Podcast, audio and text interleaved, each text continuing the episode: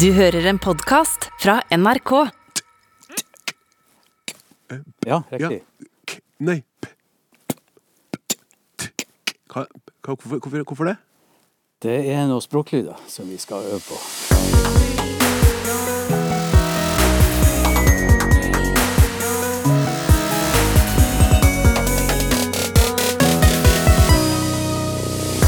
De fleste av oss kan snakke, men de færreste vet hvordan eller hvorfor vi får det til. Språksnakks egen fonetikkskole vil forhåpentligvis forøke forståelsen.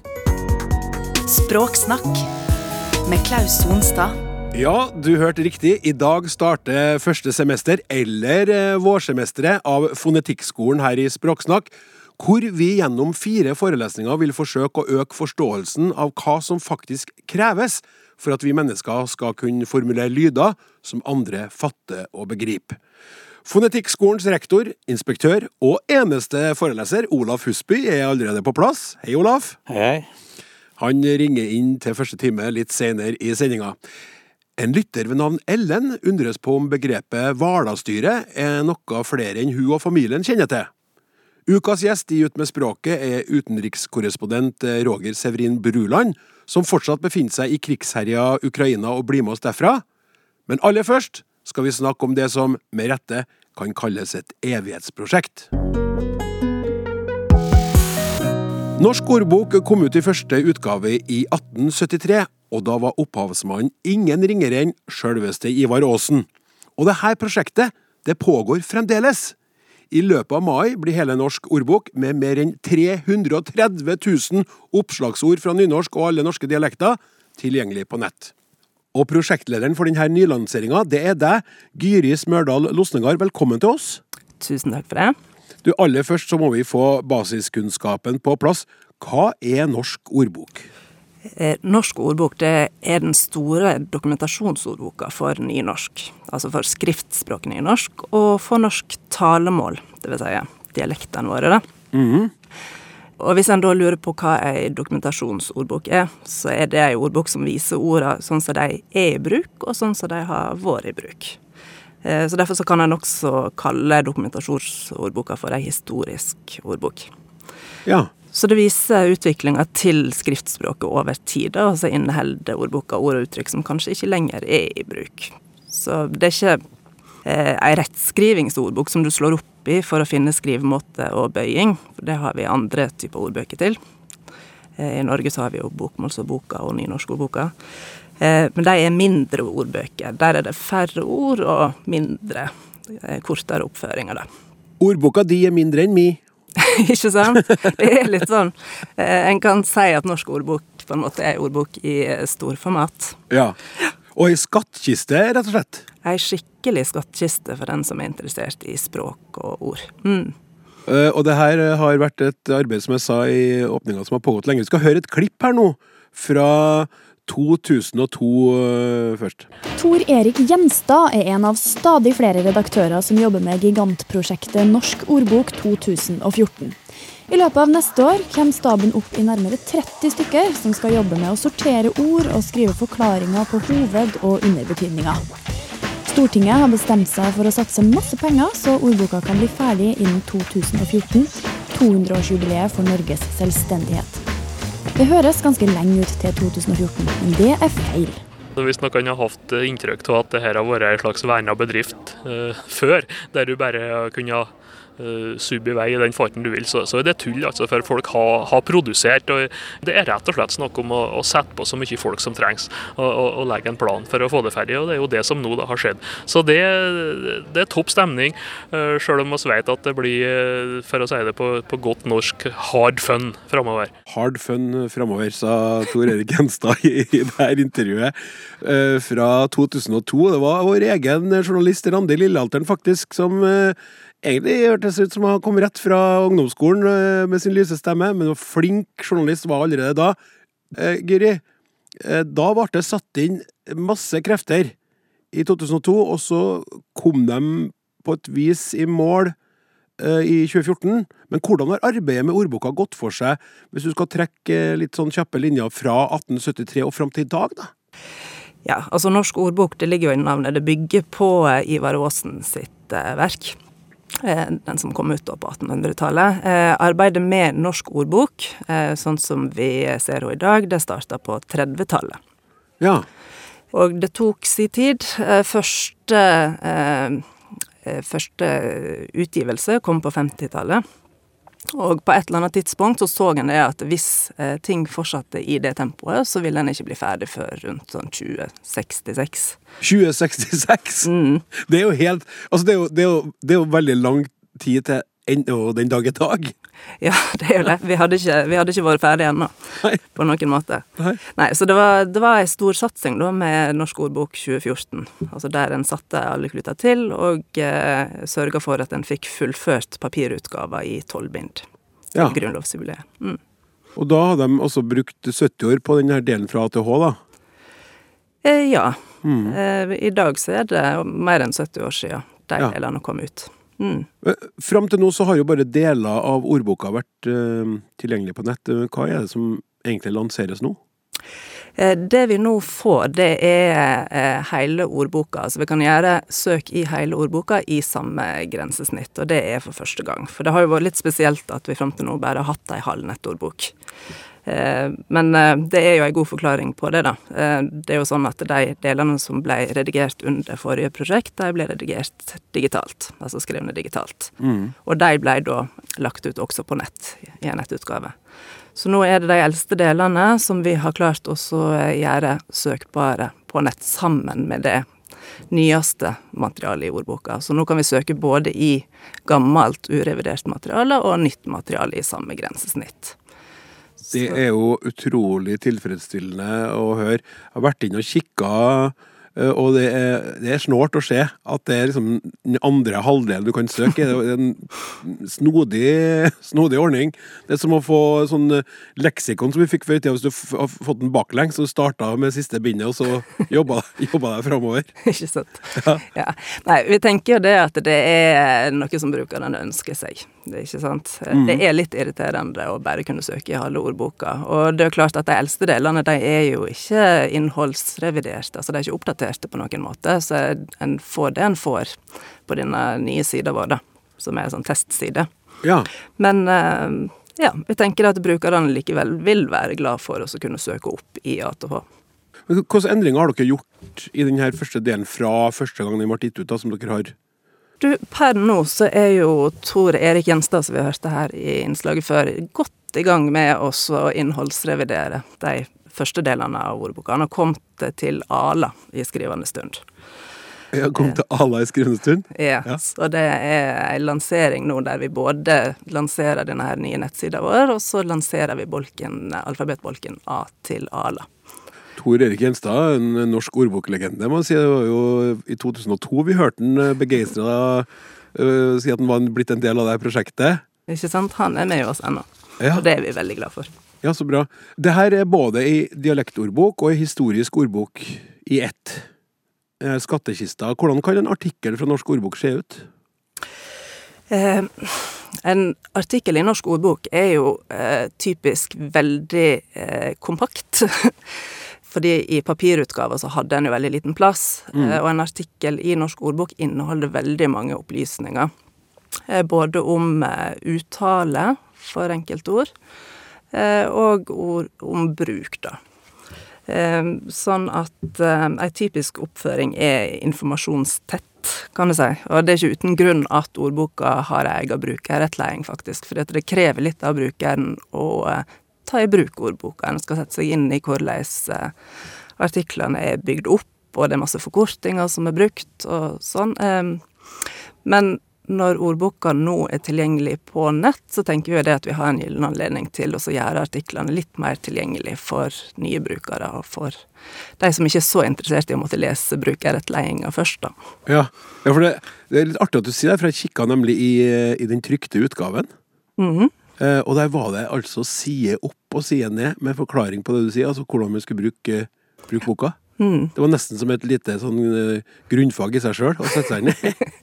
Ja, nei, det er veldig mange typer opplysninger som, som går inn der. Eh, Jeg skal ikke gå inn i detalj på det nå, da, for det kan en jo lese om i brukerrettledninga for så vidt. Men eh, ja, altså håpet vårt er jo det at en får lagt til rette sånn at det er, det er enklere å forstå det Ja. som står der. Mm.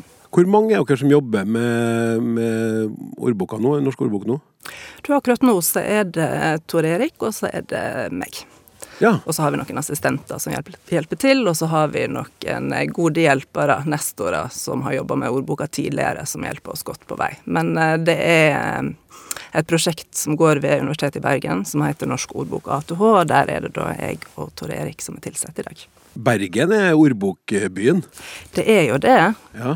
Vi, har jo, vi deler jo kontor her med, med revisjonsprosjektet, som oppdaterer nynorskordboka og bokmålsordboka. Det ante meg. Mm. Går det an å si hvilke dialekter dere har flest oppføringer på? Eh, Det er ikke helt godt å si. Vi har ikke ført noe statistikk på det. Eh, Det går kanskje an å finne ut hvis en søker i databasene våre, eh, men målet er jo det at det skal være mulig å finne ut av det når vi lager nye nettsider nå etter hvert. At det skal kunne gå an å søke etter en spesifikk dialekt, f.eks., og så få et inntrykk av hvor stor del av ordboka det gjelder. Ja. For det kan være verdifull informasjon. Det kan det jo. Mm, til bruk i forskning og Ja. eh, undervisning og mm. Du sier ny nettside, for at per i dag så framstår jo nettsida Nå må ikke du bli fornærma som leder i prosjektet, som en gang i tida besto av masse mennesker, så nå er det blitt igjen en sånn lite, lite sånn superteam. Mm. Nettsida framstår som litt 90-tallsk, eller ti, tidlig 2000. Den er litt 90-tallsk. Det er jo det. Det er ikke til å komme ifra. Og i tillegg så, så er det jo sånn at eh, i forrige prosjekt så var det papirutgaver som sto i fokus. Ja. Eh, Og eh, nettsida er fin, den, men eh, det var jo på mange måter et biprodukt. Sånn at eh, jeg tenker at det finnes veldig mange muligheter i digitalformatet da, som vi må, må prøve å få utnytta videre. Mm. Mm. Ja, det tenkte jeg litt nysgjerrig på, fordi nå når dere da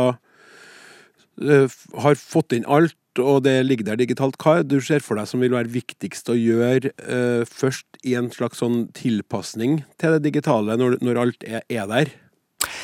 Eh, Jeg tror vi må ta kontakt med brukerne og høre hva de er interessert i å eh, se. Eh, og så tenker jeg at eh, veldig mye av den informasjonen som ligger der, må jo gjøres søkbar på et vis. Sånn at, eh, som sagt, hvis en er interessert i en spesifikk dialekt, at det skal være mulig å søke da etter f.eks. geografisk område og sånn. Så kanskje det her med søk Altså, dagens brukere er jo kjempekompetente nettbrukere, ikke sant, og de stiller ganske store krav. Eh, antar vi, da.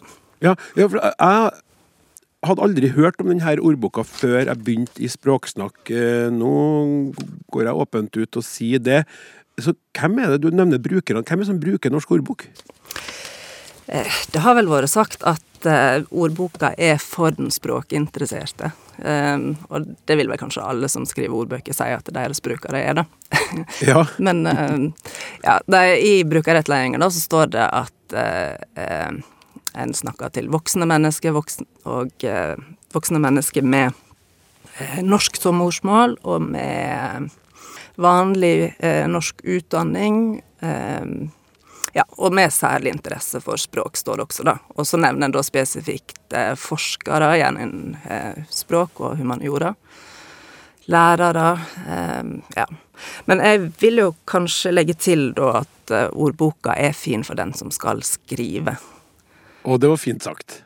Hvis en skal sette seg inn i et bestemt felt, så er liksom Norsk ordbok plassen å gå for å finne Mye på grunn av all dialektinformasjon som, eh, som finnes der. Ja. Den inneholder veldig mange ord. Så kan du finne forferdelig mange ord om eh, ja, vær og vind, gardsbruk, fiske. Ja. Jeg nevner i fleng. Jeg, jeg tenker at, eh, at det er kjempefint. Altså, jeg viser jo ikke om den. Den bør jo, for det første så bør den jo bli mer kjent for eh, flere. Og så kan det jo være en kjempefin plass å jobbe for eh, lærere som vil sette i gang elever med prosjekter knytta til språk og dialekt, at de søker inn der og finner ting da, i den her eh, gigantiske skattkista. Mm. Absolutt. Og ja. alt ligger jo til rette for at en skal kunne bruke eh, ordboka på den måten. Så det handler kanskje mest om å gjøre henne kjent, da. Ja. Mm. Eh, det her er jo Jeg, jeg, sa, jeg sa jo i starten eh, mer enn 330 000 oppslagsord, så det er litt artig å spørre deg hva er dine favorittord fra ordboka? Nei, eh, nå i det siste så har jeg blitt veldig glad i artikkelen for ordet vind, altså hankjønnssubstantivet vind. Rett og slett fordi at den illustrerer så godt formatet til ordboka, da. Dokumentasjonsordboka. Hvordan da? Nei, den eh, inneholder eh, veldig mange betydninger, som det ofte ikke er plass til i litt mindre ordbøker. Sånn den inneholder vel noe sånt som sju hovedbetydninger, og den første betydninga som handler om vind eller luft i bevegelse, den har liksom eh, ja, seks undertidinger igjen. Mens i de litt mindre ordbøkene så er kanskje vind da eh, avsett med to betydninger. Ja. Eh, og så syns jeg det at eh, redaktøren som har laga denne artikkelen, har funnet veldig fine eksempel.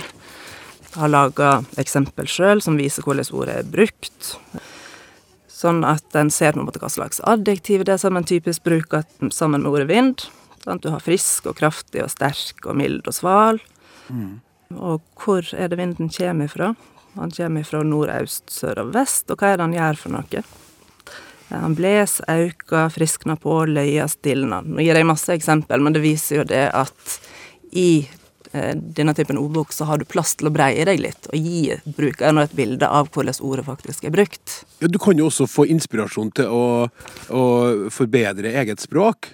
Få Ja. nye formuleringer, få nye måter å, å si det på. Det kan jo være fint for både forfatterspirer og Ja. diktere.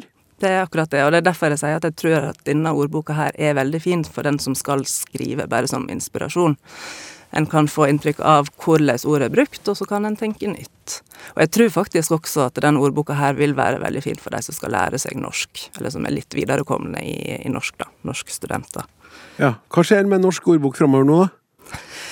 Nei, nå skal vi fortsette å eh, oppdatere innholdet i alfabetstreket ATH.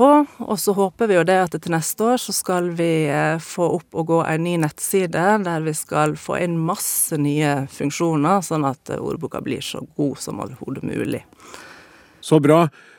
Jeg ønsker lykke til videre med arbeidet. Måtte du drømme drømmer full av flotte ord om netteren. Tusen takk for besøket, Giri Smørdal Losnegård, prosjektleder for Norsk ordbok ved Universitetet i Bergen.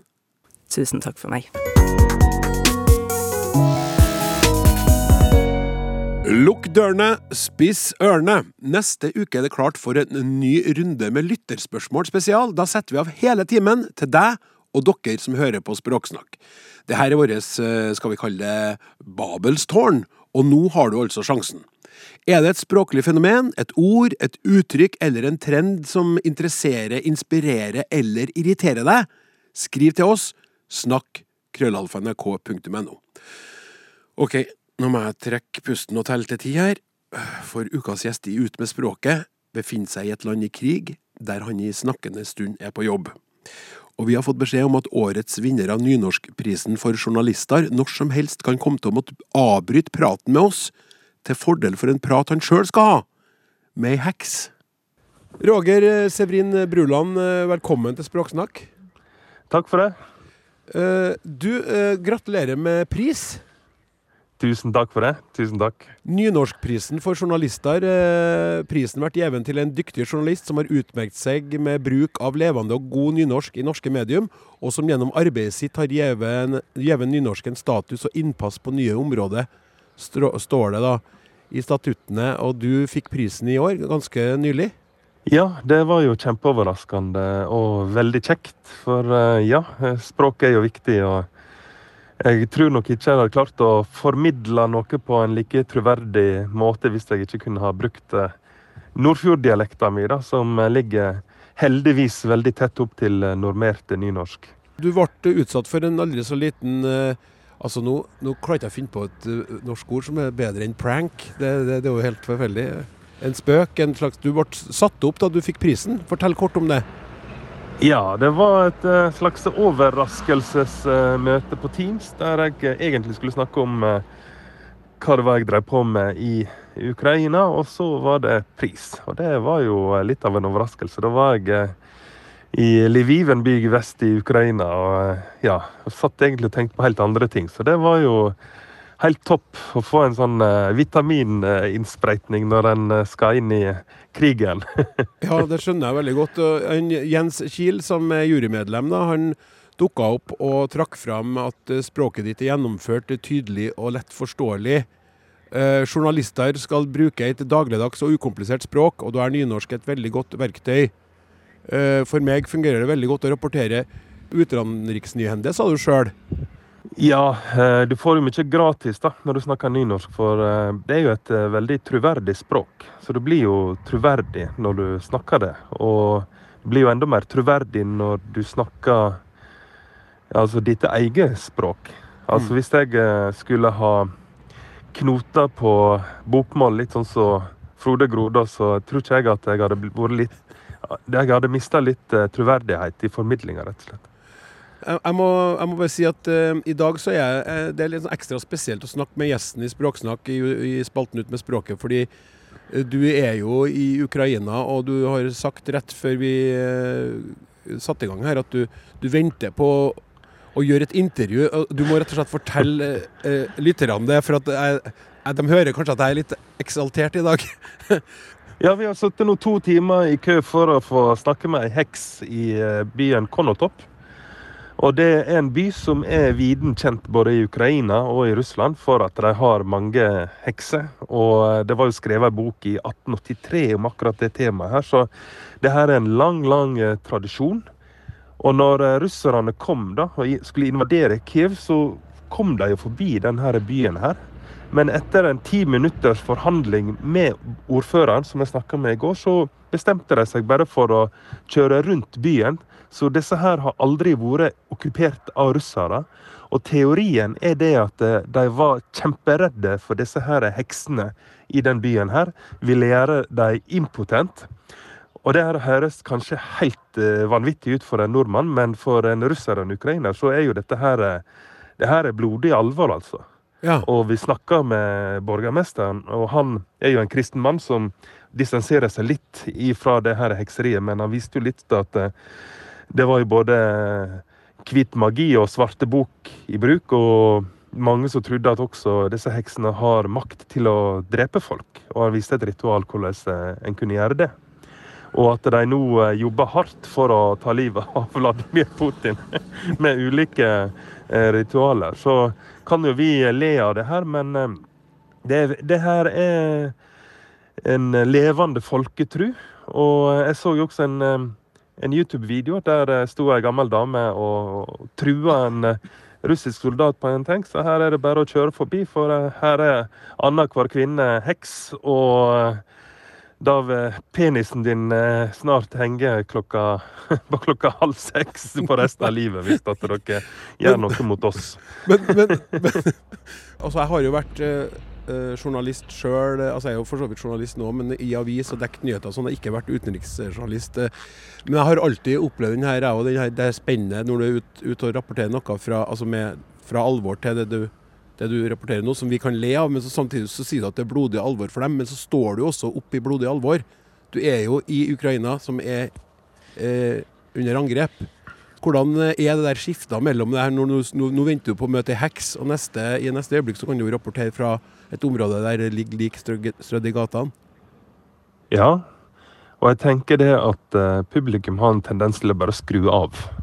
Hvis det bare er masse graver og lik i gatene og tunge tragedier, uh, så en Stanley Kubrick sa det jo egentlig ganske bra når han laga filmen 'The Shining'. At ja, det her ser veldig realistisk ut, men det er ikke interessant.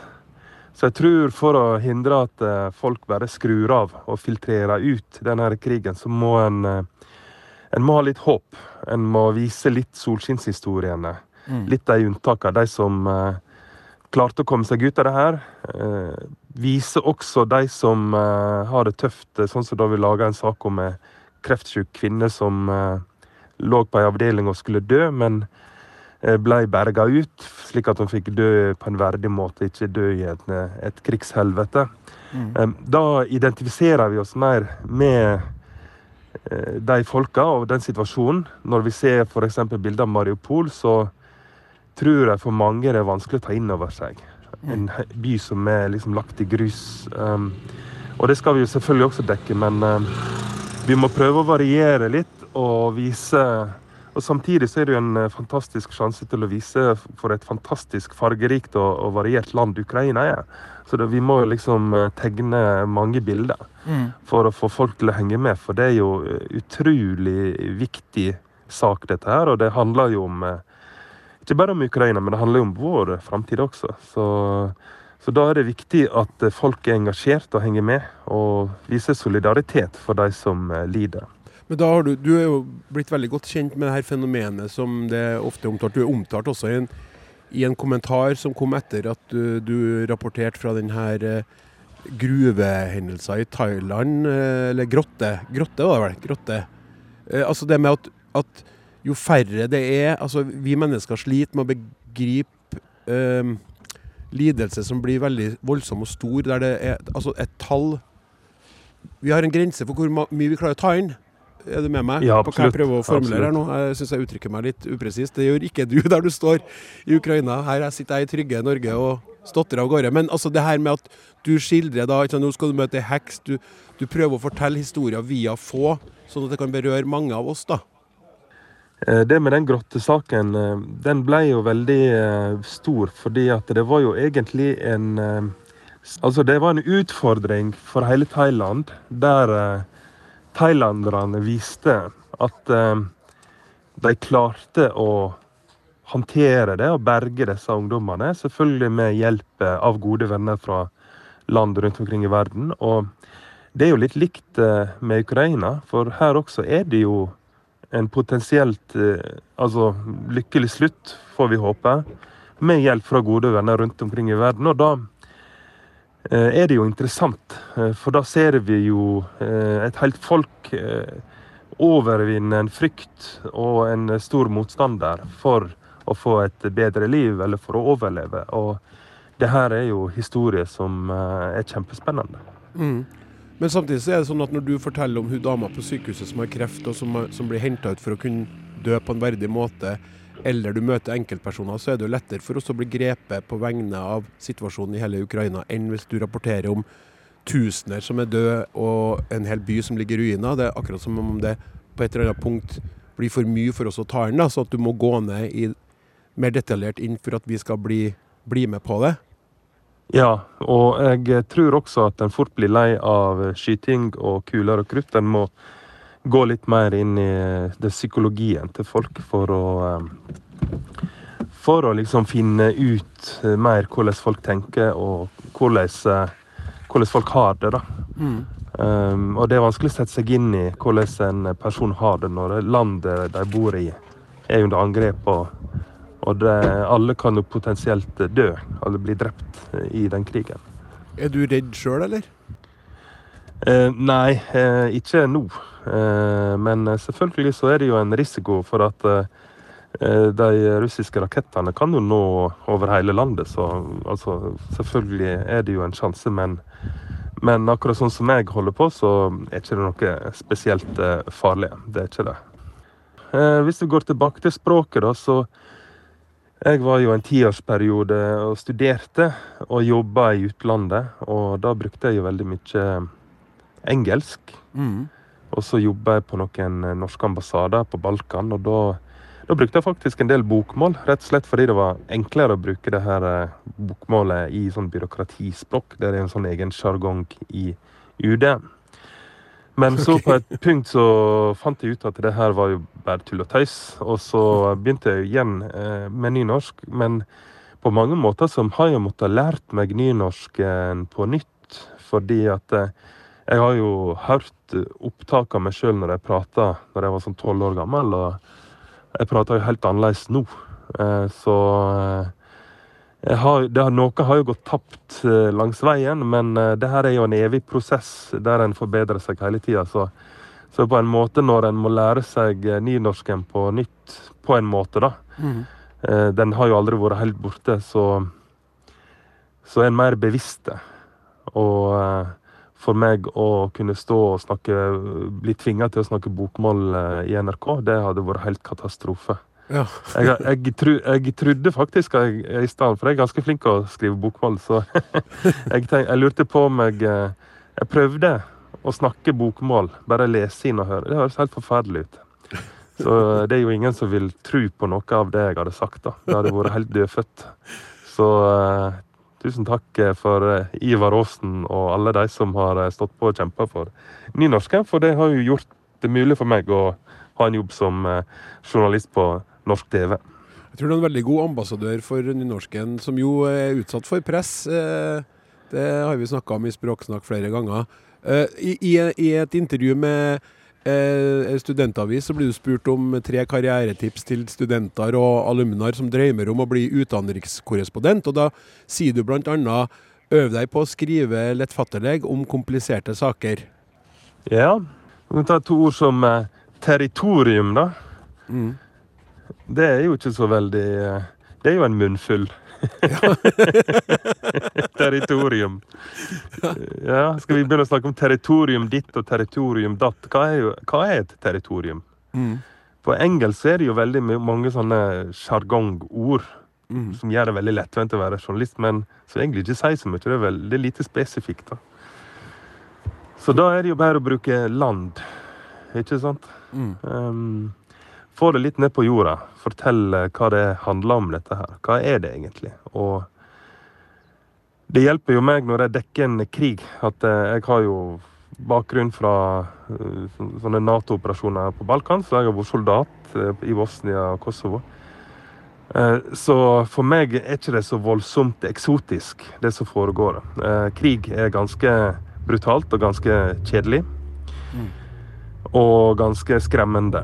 Så, og det går for det meste utover lokalbefolkninga. Så da er det viktig å kanskje glem, glem alle disse her flosk, politiske flosklene og sånn militærspråk der en bruker masse eufemismer på ting som egentlig handler om å drepe mennesker og ødelegge, ødelegge ting.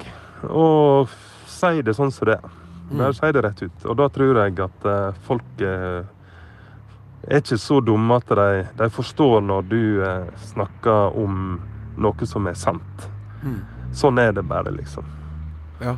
Og så kan en heller prøve å vinkle saken mot at eh, en kan finne et eller annet slags eh, håp i den saken, for det må en alltid ha. For ellers så blir det ganske så beksvart. Mm. I, all, I, alle fall noen som ikke bare er et sånn totalt offer, men iallfall noen som uh, har strategier for å kjempe tilbake mot overmakta. Om det er et enkeltmenneske som uh, ikke sant, ikke har penger og går og tigger på gata, eller som må forsvare hus og hjem. Altså, det kan jo være så mange ting, men jeg, ikke framstill dem som sånn total offer. Mm. Eh, det tror jeg er viktig. Og bruke et eh, nøkternt og dagligdags språk, slik at alle som hører på og ser på, får det med seg. Slik at det ikke bare går inn ene øret og ut det andre. Mm. For Da er det jo ikke noe poeng for meg å kjøre helt fra Berlin til her i Sumi-regionen på grensa til Russland rapporterer hvis ingen får med seg hva som blir sagt. For at det, det, blir for høytflygende og for komplisert. Ja, nei, jeg, jeg, jeg, jeg, husker jo også veldig godt eh, da du var inn tidlig i Nord-Italia. Eh, det er jo så, det er så fjernt nå. Eh, korona, starten av korona, du var inn der. Du, du sa en plass at du det føltes, det føltes, litt ut som du var plassert uh, på ubåtpatrulje, for at du var så isolert uh, ute der. Men du rapporterte jo krystallklart uh, hjem og sa Fortalte om hva som egentlig kom til å møte oss etter hvert. da. Ja, det var jo to ganske ensomme år der en var veldig mye for seg sjøl. Fordi mm. at det var jo fare for å smitte andre. Så selv om jeg hadde med meg fotograf, så kjørte jo han egen bil. Så jeg var jo alltid i bilen. Kanskje jeg hadde på litt uh, NRK sin uh, direktesending bare for å høre litt kollegaer og sånn, men uh, du blir veldig isolert. Og mm. det er jo det motsatte der. Der var det jo farlig å stoppe og gå ut av bilen og rapportere for å kunne bli smitta av korona, ikke sant? Men i Ukraina er det jo farlig å kjøre rundt med bil.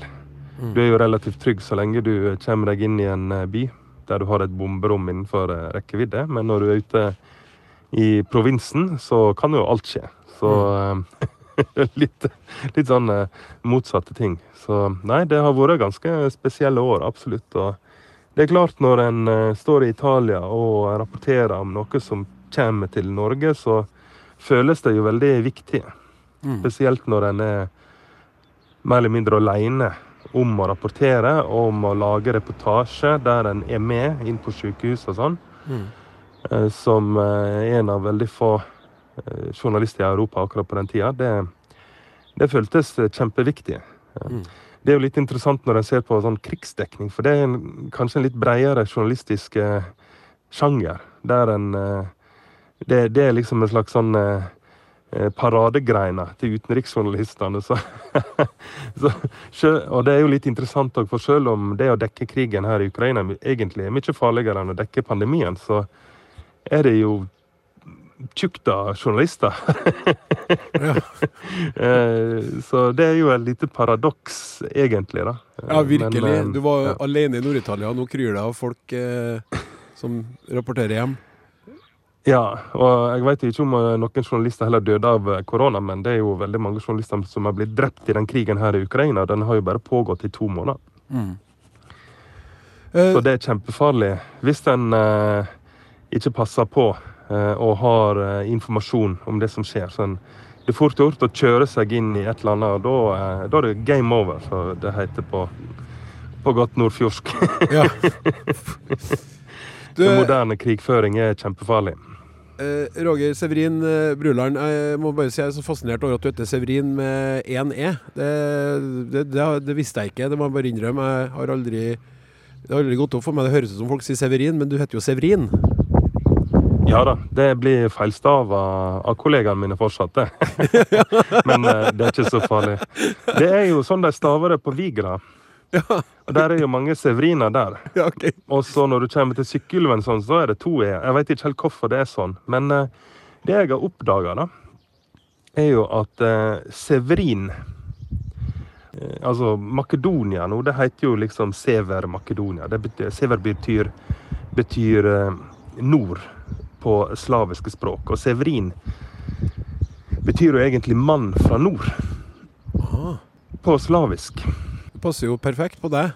Så der er jo en by i eh, Romania som heter Severin, f.eks. Så når jeg kjører forbi der, så passer jeg på å ta bilde foran eh, skiltet da, av byen. Altså navneskiltet. Men med to e-er, da. Men eh, Roger Severin Bruland, før heksa kommer og, og ta, tar Ja, det eh, fra oss venter heksa på meg, faktisk, så jeg må springe. Ja, Da må jeg få vite ditt favorittord i utrolig fort. Hva er ditt favorittord? Ut med språket. Forloveden min, da, og Britt Pernille, hun eh, mener jo det at eh, jeg av og til snakker som en mann fra 1800-tallet. For jeg, har, jeg bruker så mange gamle ord og uttrykk fra Nordfjord. Ja. Og et uttrykk, eller ord, da, som jeg bruker, det er menjane. Vet du hva det betyr? Nei, menjane? Menjane. Nei, jeg vet ikke. Å stå opp om menjane. Du må stå opp om menjane. Morgonen betyr det. Ah, det var jo nydelig. Ja. Og jeg har flere sånne, men jeg kommer ikke på dem. Nei, men det holder. Det, det, det, vi vi trenger bare ett. Eh, Hils heksa fra oss, og, og, og ta vare på deg sjøl. Det skal jeg gjøre. Tusen ha det, takk. Ha det. Ha det. Apa, Apa, ata, ata, atja, aka, aka. fo, fo, fonetikkskolen. Ja, hjertelig velkommen til Fonetikkskolen. I denne serien med forelesninger så skal vi se nærmere på hva som ligger bak noe som alle, jeg vil si de aller fleste, kan, nemlig å produsere språklyder, altså å snakke. Olaf eh, Husby, eh, rektor, inspektør og foreleser her på Fonetikkskolen. Det er litt interessant det her med at selv om det å snakke er noe flesteparten mestrer, så har de færreste klare begrep om hva det er som egentlig skjer, og hvorfor. Ja, Det kommer jo at det er en, en automatisert ferdighet som vi har øvet på i mange år, og den er så godt innarbeidet at du, du, eh, ja, du tenkte på en måte ikke om når du snakker, før du kanskje begynner å skal gjøre noe annet som er uvant, eller skal holde en tale, snakke tydelig, eller snakke et annet språk. Da må du kanskje tenke deg litt om. Men ellers så går det her jeg skal ikke si på tomgang, men det går av seg sjøl, det her systemet. Altså. Ja. Eh, og når vi nå skal uh, begi oss inn i fonetikkens verden og gi uh, språksnakkelytterne litt bedre forståelse av uh, hva som skal til, så må vi ha vitenskapelige begrunnelser i bunnen her. Og det er mange fag som kommer inn og lister opp til meg. Dette er jo jukselappen du har gitt meg. Ja. Anatomi, fysiologi, akustikk, audiologi, psykologi og flere. Ja, ja. Det berører, og det som gjør fonetikken til en fantastisk interessant vitenskap, for den favner så vidt, altså. Ja. Og det som er synd, er jo at det er et fag som har veldig liten plass innenfor norsk eh, akademia i dag. Og det som er bra, er at Språksnakk skal vie det plass. Kjempebra. Vi skal jo også ha et høstsemester, Det men det kommer vi tilbake til. Eh, nå er det sånn, eh, kjære lyttere, jeg må understreke på vegne av Olaf her, som er en uh, fonetikkens uh, skikkelige fagmann. Vi, vi, vi, vi, får ikke lodda veldig. Nei. Sant? Og det er jo litt, du er litt fortvila for. Du foreslo jo først at vi skulle ha fire hele sendinger Ja. i vårsemesteret. Du ville jo ha all plassen, men det fikk du ikke. Ja. Så du har, du har fått mindre tid enn du hadde håpa på. Men vi skal likevel kunne gi et ganske godt bilde på hva det, det handler om. Ja, Vi skal prøve å gå litt systematisk i, i, i gjennom det her, og så, og så bruke litt eksempler. og Kanskje hoppe over det meste av latin og de vanskelige tingene. Gjør det litt, litt artig, og kanskje at lytterne når de sitter og hører på, kan, kan stoppe opp og prøve sjøl og kjenne etter. Ja, det håper vi på. Og da vil jeg gjerne si til deg som er ute og kjører bil når du hører på, pass på eh, det. Fordi at du kan bli såpass eh, fascinert av deg sjøl der du sitter og gaper og styrer, at det kan være lurt å parkere i en sånn uh, lita lomme på veien mens du prøver det, så ikke du plutselig kjører i 110 eller i rumpa på en trailer. Og det som eh, er litt uh, interessant, syns jeg, Olaf, det var at da du sa hva vi skulle begynne med, så sa jeg til deg ja, det må jo være stemmen. Så sa du ja, nei, egentlig ikke. Det kan være lurt å begynne med Ja, vi må begynne med luft. Luft, rett og slett. Ja, Nei, for når vi, når vi kommuniserer, da, det skjer jo i, i ulike kanaler, ikke sant. Og, og, og for å begynne Altså En hund når den skal kommunisere med omgivelser, går jo og slår lens, ikke sant, som en annen hund kan lukte. Mhm. Og så har du da eh, ja, folk som, som ikke Som er døve, f.eks., når de skal kommunisere. De bruker bare visuell input, tegnspråk. Og Det bruker vi jo når vi leser. ikke sant? Jo, tegn vi, vi bruker. Og så har du jo dyrearter som kommuniserer ved hjelp av farge. Ja, jeg tenker med en gang på påfuglen. Ja, eksempel. Ja. Og, eller å blåse opp i størrelse. Ja. Men vi skal bruke en, en slags akustisk kanal, og for å, å lage stemmen, så må vi gå til luft. For, for stemmen er rett og slett eh, luft som det er lufta som, som frambringer den. Og det, det høres jo veldig enkelt ut. Ja, men det- slår meg med en gang, at vi trenger luft. Og så husker du den der skrekkfilmen Alien? Da var jo slagordet til den 'In space, nobody can hear you scream'. Ja, ja. Og det er jo selvfølgelig også fordi at det er det tomme rommet, men Ja. det er vel også umulig å skrike der ute. Ja, der er ingen, altså Når du ikke har en, på en måte et, et medium, en gass av en eller annen slag, så uh, energibølgen kan forplante seg, så, så høres det ingenting. Et stille skrik. Stille skrik. Det blir Ja. bare en grimase. Ja, Men hva, hva, vil du? Hva vil, kjære rektor, inspektør og foreleser, eh, har du sagt alt du skal si om lufta, eller skal vi Nei, komme med noen altså- eksempler nå? da? La oss begynne med det. Altså, det vi, vi, vi holder oss jo i live ved å puste, ikke sant. Og denne pustinga som vi bedriver, den går på en måte jevnt inn og ut. Omtrent like lange de her periodene begynner på, utpust. Men når vi kommer i gang og skal snakke, så skjer det pussig at da begynner vi å økonomisere med utpusten. ikke sant? Ja. En, du kan snakke ganske lenge på en utpust før du blir nødt til å stoppe og trekke pusten. Mm, Gro Harlem Brundtland. Ja, ikke Ja. Men det er jo ingen som puster sånn et langt, kort innpust og så et forferdelig langt utpust, og så to korte. Så vi puster i, i rytme. Og da drar vi jo eh, luft eh, ned i lungene og skaper på en måte den vanligste formen for stemme. Vi presser luft ut av lungene, og det gjør vi jo med å, å bruke mellomgulvet og, og muskulaturen gjennom, eh, mellom ribbeina. Skape et overtrykk her nede, og så blåses det ut av munnen. Og så har vi noe det vi kaller stemmeleppen. De går i hop, og så begynner de å, å, å vibrere når lufta kommer. Det, jeg hører jo av og til folk si at de skal puste med magen. Ja. Vanskelig. Men det er, vi skal komme litt tilbake til det. Men altså, pust med magen er en metafor som betyr noe sånt som å ta det med ro. Vi Ja. puster ikke med magen. Lufta går ned i lungene. ja. Hvis du skal puste med magen, så blir du nødt til å svelge luft, og da kommer den opp som en ras. Bildet på det er vel det at hvis du for snakker veldig fort, så står jeg vet du, så holder jeg, jeg holder opp faktisk på å bli påkjørt i sted. Det var forferdelig. For jeg, altså, jeg er jo på sykkel, ikke sant? Jeg har tatt på meg sykkelhjelm òg. Og så sier jeg rolig, rolig, rolig. Ja. Rolig, Pust med magen. Ja. Da vil jeg skjønne hva du sier. Men jeg puster ikke med magen. Nei, puster ikke med magen. Jeg fyller bare litt ekstra luft i lungene og roer meg litt ned. Så, så den vanlige måten å lage stemme på Og vi kommer jo tilbake, da, for den stemmen vi lager, den kan jo variere litt. Men lufta går ut. Men i Skandinavia og, og faktisk i den, på den nordlige halvkula så finner vi en måte å snakke på som er stikk motsatt. Vi snakker litt på innpust. Vi sier ja. Svensk. Ja, det er sant. Ja. Ja, ja. Og det er en sånn, eh, Jeg hører jo mange eh, av de utenlandske studentene at første gangen jeg sitter sånn og prater, og vi drikker kaffe og sånn ja. Og så stu- «Å, Fikk du noe i munnen? Fikk du ei flue i halsen? Hva, hva det var som skjedde nå? Hvor, ble du redd? De har det ikke. De har det ikke. Mange som ikke har det her. Men det er et trekk som vi finner i, i, i, innenfor mange språk. Over i, i Nord-Sverige så gjør de sånn de, de drar inn lufta, så bruker de Som et uttrykk for enighet. ja, ja, sånn. ja. I stedet for å si ja, så sier de ja. Og du får det til mye bedre. Du er fonetiker, vet du. Jeg får det, Ja, det, det, er som hele leppa, leppa fer av gårde. Ja. Nei, så da, da har vi altså lunger, luft ut og luft inn. Du kan jo prøve å snakke på innluft. Det er ganske vanskelig.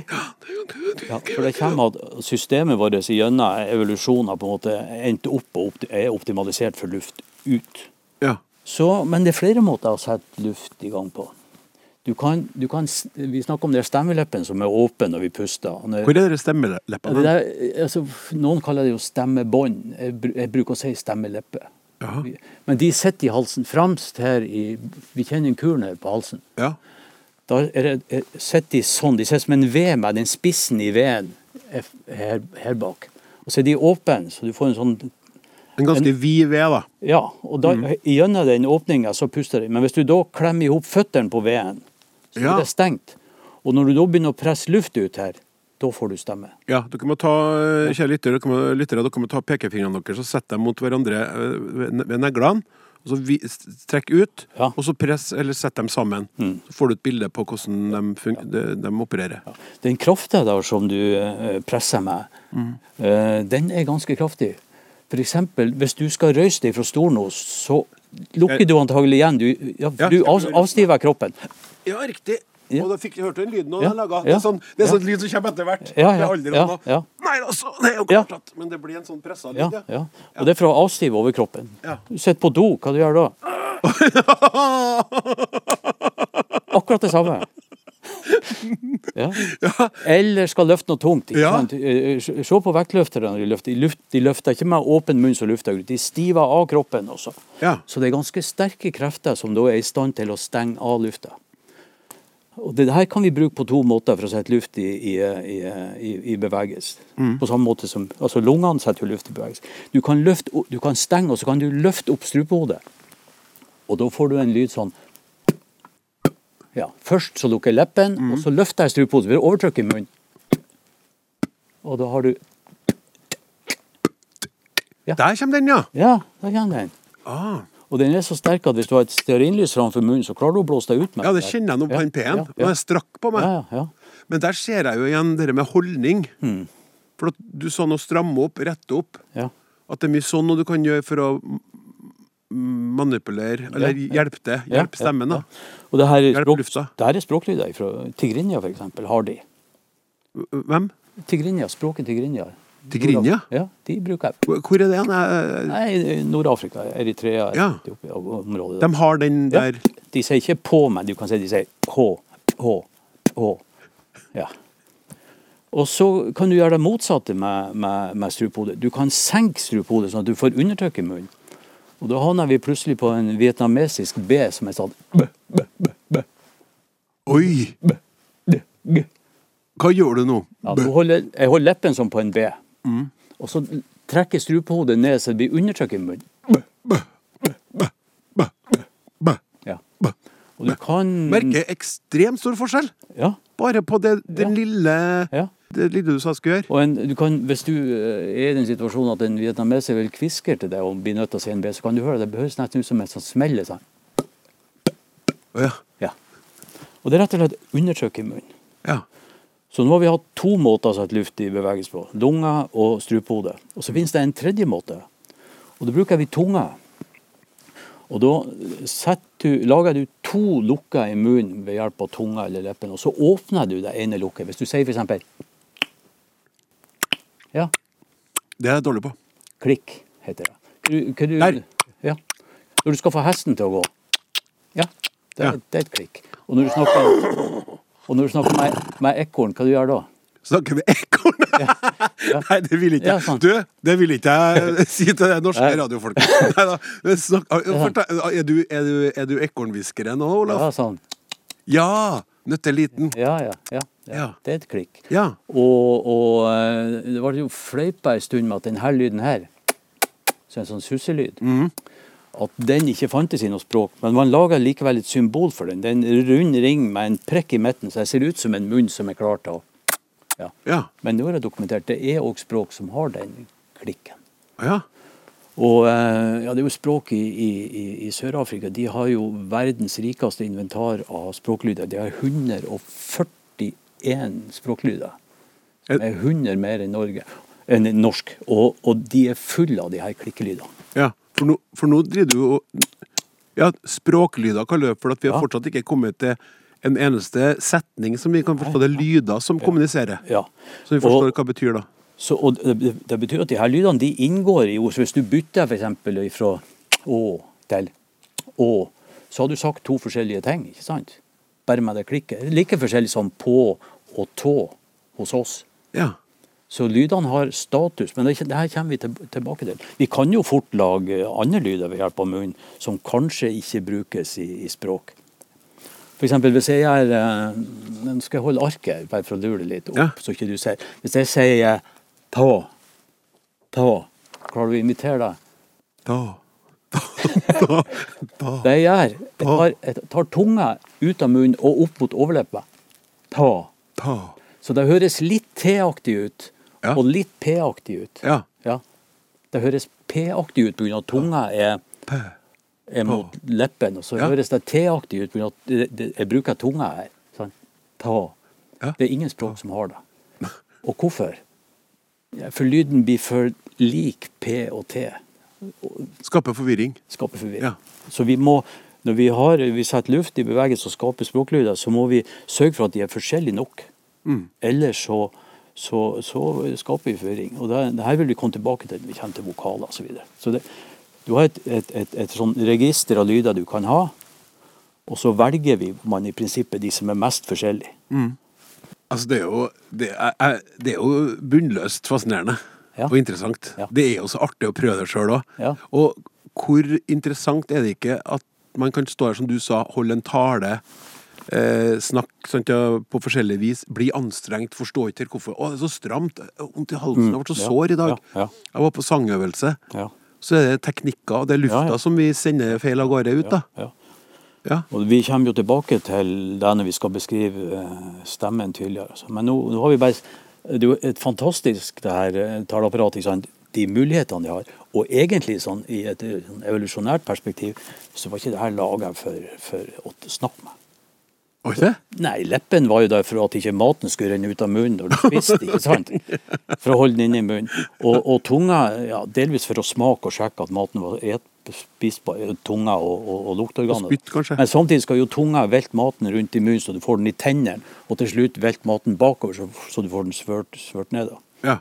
Og eh, strupehodet, det som heter, den åpninga mellom stemmeleppene som heter glottis, den som vi lukker sånn, den er jo for å hindre at mat skal dette ned i lungene.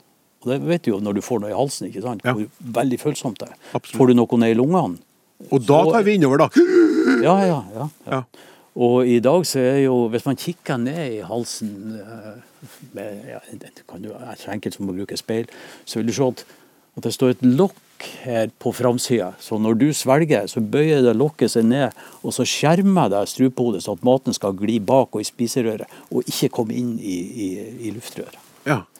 Så, så, eh, og, så det her, opprinnelig så var det her kun ment til altså, skaffe seg næring, holde seg i live. Men så var det vel en eller annen gruppe der som begynte å, å utnytte potensialet i det. Og de vinner sånn, ja, et sånn evolusjonært perspektiv et fortrinn. De kan plutselig gi en beskjed om noe som de andre ikke kunne gi. De andre de blir spist opp, men våre gener som kan bruke det her, vi går videre. Og så er det en ny forgreining, og kan begynne å, å raffinere det her. ikke sant? Nå har du gitt eh, Fonetikkskolen eh, luft eh, under vingene.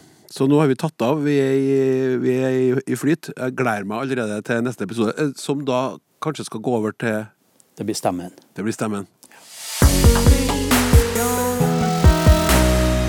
Da skal vi ta for oss et uh, lytterspørsmål sendt inn til snakk.krøllalfa.nrk.no. Hei, Klaus! Jeg hørte til min store glede at panelekspertnavnesøster Ellen hadde bestemorsomre i Horten. Kanskje det gjør at hun har kjennskap til Hvaler-styret? For det er i cirka det området jeg har hørt begrepet, og plukket det med meg. Til min fortvilelse, for det er jo ingen som skjønner hva jeg mener. Det kan jo for så vidt komme av både tid og rom. For jeg syns det er kjekt å ha en del ting på Hvaler-styret.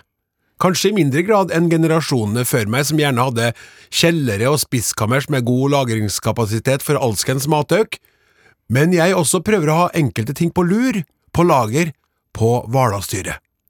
Men hvorfor har jeg det der? Og hvor er Hvaler-styret? Eller hva er det? Jeg er litt urolig for at dette kan være en helt ekstremlokal sosiolekt, kanskje bare i bruk min egen slekt. Har det forresten et navn, de ordene man bare bruker innad i familier? Denne teorien har heldigvis et lite hull, siden jeg får ett treff på ordet når jeg googler. Et treff på gamle uttrykk fra Enebakk, som definerer, men ikke forklarer. Men Enebakk er tross alt et stykke unna Horten, og jeg har, så vidt jeg vet, ikke slekt på Enebakk. Takker for fint program, hilsen Ellen. Tusen takk, Ellen. Og hei, Ellen! Hei, Klaus. Velkommen hit! Takk for det. Du er navnesøster med innsender, og du er språkforsker, og du har Andenes til etternavn, vært med mange ganger i Språksnakk, og nå da er du her for å forklare oss om Hvaler-styret. Jeg må jo begynne med å spørre deg, har du noen gang hørt om Hvaler-styret før? Ustanselig. Ustanselig? Altså, for, for en innsender, for et navn og for et spørsmål. Jeg ble jo helt lykkelig. For altså, ja, mormor og bestefar bodde i Horten, og somrene der var deilige. Og mormor hadde alltid noe godt på Hvaler-styret. Eller i Hvaler-styret, som jeg er vant til. Eh, mor som flyttet til Oslo ganske tidlig i livet, hun pleide å si i Hvaler-styret, så det sier vi i min familie. Men det er nok på som er riktigst, tror jeg, i betydningen mest utbredt og mest opprinnelig. Og det fins både i bestemt form, Hvaler-styret, og ubestemt form. I ei bok om dialektuttrykket Vestfold og Grenland av Arne Kjell Follvik, så fant jeg det i ubestemt form. Varastyr. Sa du med R nå? Ja, jeg sa det med R, Ja. for det Follvik har bare formen med vara, ikke Hvala. Aha. Ja, det er derfor Ellen ikke har funnet noe hun har googla. For det er mest vanlig med R. Det er mest vanlig med Hvaler-styr. Ja, hvis du hadde eh, slått opp i bokmålsordboka, så hadde du funnet det der, Ellen. Men da med R, og hvem kommer på det, det er jo ikke det det heter. altså, på vestfoldinger, virkelig. Em, men altså, enten det er i bestemt eller ubestemt form, med R eller med L, eh, i eller på, så betyr det det samme å ha noe i reserve, eller i bakhånd. Og det må man ha. Ja, det Det, er må man ha ha. hvis man skal føre et ordentlig hus, så må man det. Så det er ikke, det er ikke et eh, Det er ikke som et spiskammers eller en, et, skap, eller Det er eh, beskrivelsen på å ha noe som i bakhånd, du har på, noe på lur. det. Ja, det som vi her ofte kaller å ha det på luringa. Ja, jeg har noe kjeks på, på Hvaler-styret. Ja. Ja. Mor kunne av og til bli veldig sint, husker jeg, når vi hadde funnet gjemmestedene. Og hun sa nei, nå har de spist opp kjeksene, de som jeg skulle ha i Hvaler-styret. Så kult! Ja, ikke sant? Jeg har aldri hørt det før. Nei, velkommen. Er det veldig lokalt? Nei, det er det det ikke er. Nå skal jeg Ja, ja, utrede var- mer, vet du. Fordi Ellen, hun lurer jo på hvor er Hvaler-styret? Ja. Ja, og svaret er enkelt, det er til sjøs. Som så veldig mye annet som folk snakker om langs kysten. Skal forklare. Altså, det er et sammensatt substantiv, ikke sant? Vara, eller Hvala, da, eh, kommer av det norrøne vari, som betydde varsomhet, forsiktighet, reserve eller nødhjelp. Pass på tonelaget, du sa det riktig hele veien, jeg er veldig fornøyd med det, du skjønte av deg selv at det skulle være Hvala-styret. Takk. Ja. Altså ikke som i vara, vararepresentant, det er et nyere ord, og det kan vi komme tilbake til. Men altså, varig, det finner vi igjen i ta vare på, behandle varsomt. Det kan man i noen ganger gjøre ved å ta på varetrekk, for eksempel på møbler eller bøker. Ja. Så da har vi det. Og så er det andre leddet. Dette styret. Er det et kommunestyre? Nei, det er ikke det. Det kommer av norrønt styri, som er et håndtak til å styre kjøretøy eller redskap med. Typisk er sykkelstyre. O sykkelstyre, o kjærlighet, ikke sant, som det står i diktet. Men i flere dialekter så brukes det også i forbindelse med båter, og da om ror eller rorblad. Det styrer man jo også med, ikke sant? Ja. Ja. Og da nærmer vi oss jo løsningen, da. I sjøfarten så er Hvalerstyret det er rett og slett et reserveror. Du har et ror på lur. Jepp. På seilskuter så hadde man også varaseil. Eller hvalaseil, da, alt ettersom. Og Vestfold var jo veldig et sjøfartsfylke, og mange av de orda som jeg hørte rundt meg i Horten, og for så vidt også i Oslo, da, fra mora mi, de kom rett fra sjøen. Men så lurer Ellen på da hvor utbredt er det egentlig, og det er på ingen måte superlokalt, nei. Ifølge Norsk ordbok så ble Varastyret registrert i Seljord i 1786. Og Seljord er et stykke unna Horten. Det er det, det er jo, og det er for så vidt eh, oppe i Innlandet nesten, men likevel. Det er også brukt i Østfold, Vestfold, Oslo, Bærum, og til og med Ivar Aasen skrev det ned. Ikke kult? Sjølvesten. Ja, Ja. sjølvesten. Og så seint som i 1999 så sto det på prent i Dagsavisen at flere går over til å kjøre piggfritt og ønsker å ha kjettinger på varastyret. Akkurat. Ja. Så altså, uttale og en misforståelse. Fordi bokmålsordboka skriver varastyre uten noe tegn for eh, tonem eller tonelag. Og det vil veldig mange nå lese som varastyre, altså et visestyre, ikke sant, noen som er valgt inn istedenfor det egentlige styret.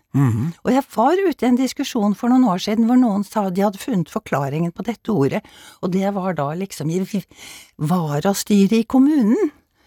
Så, nei, tenkte jeg, det kan ikke stemme. det syns jeg var rart. Så det er forskjell på varastyret og varastyret. Absolutt. Mm, det er som forskjellen på bønder og bønder, det, altså. Ja. Viktig å holde dem fra hverandre. ja, det er det. Ja. Eh, og altså det derre prefikset vara, det kjenner vi fra veldig mange sammenhenger. Varaordfører, for eksempel. Og det angir at man er stedfortreder, reserve, eller eh, rett etter noen i rang. Vi har en ordfører på, på lur. Ja! altså, det kom ikke av seg selv, det der, i forbindelse med varaordfører og sånn. Det var språkmannen Knut Knutsen, fornorskingsmannen. Han er blitt kalt både riksmålets far og bokmålets bestefar. Han foreslo det i 1881 som erstatning for viseordfører, for det ble den gangen skrevet med C, og det er en dårlig idé hvis du er for at man skal kunne lettest mulig komme mellom skrift og tale.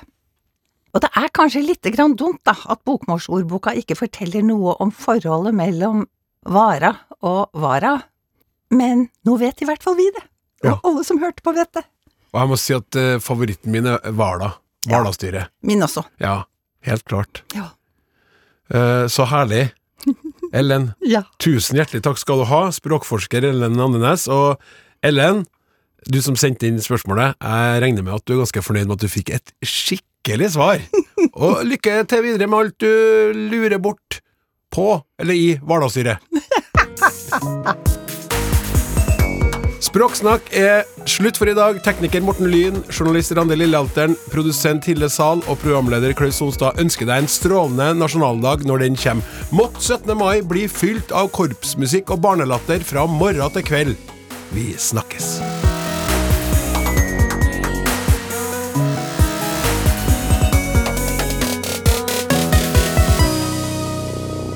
Du har hørt en podkast fra NRK.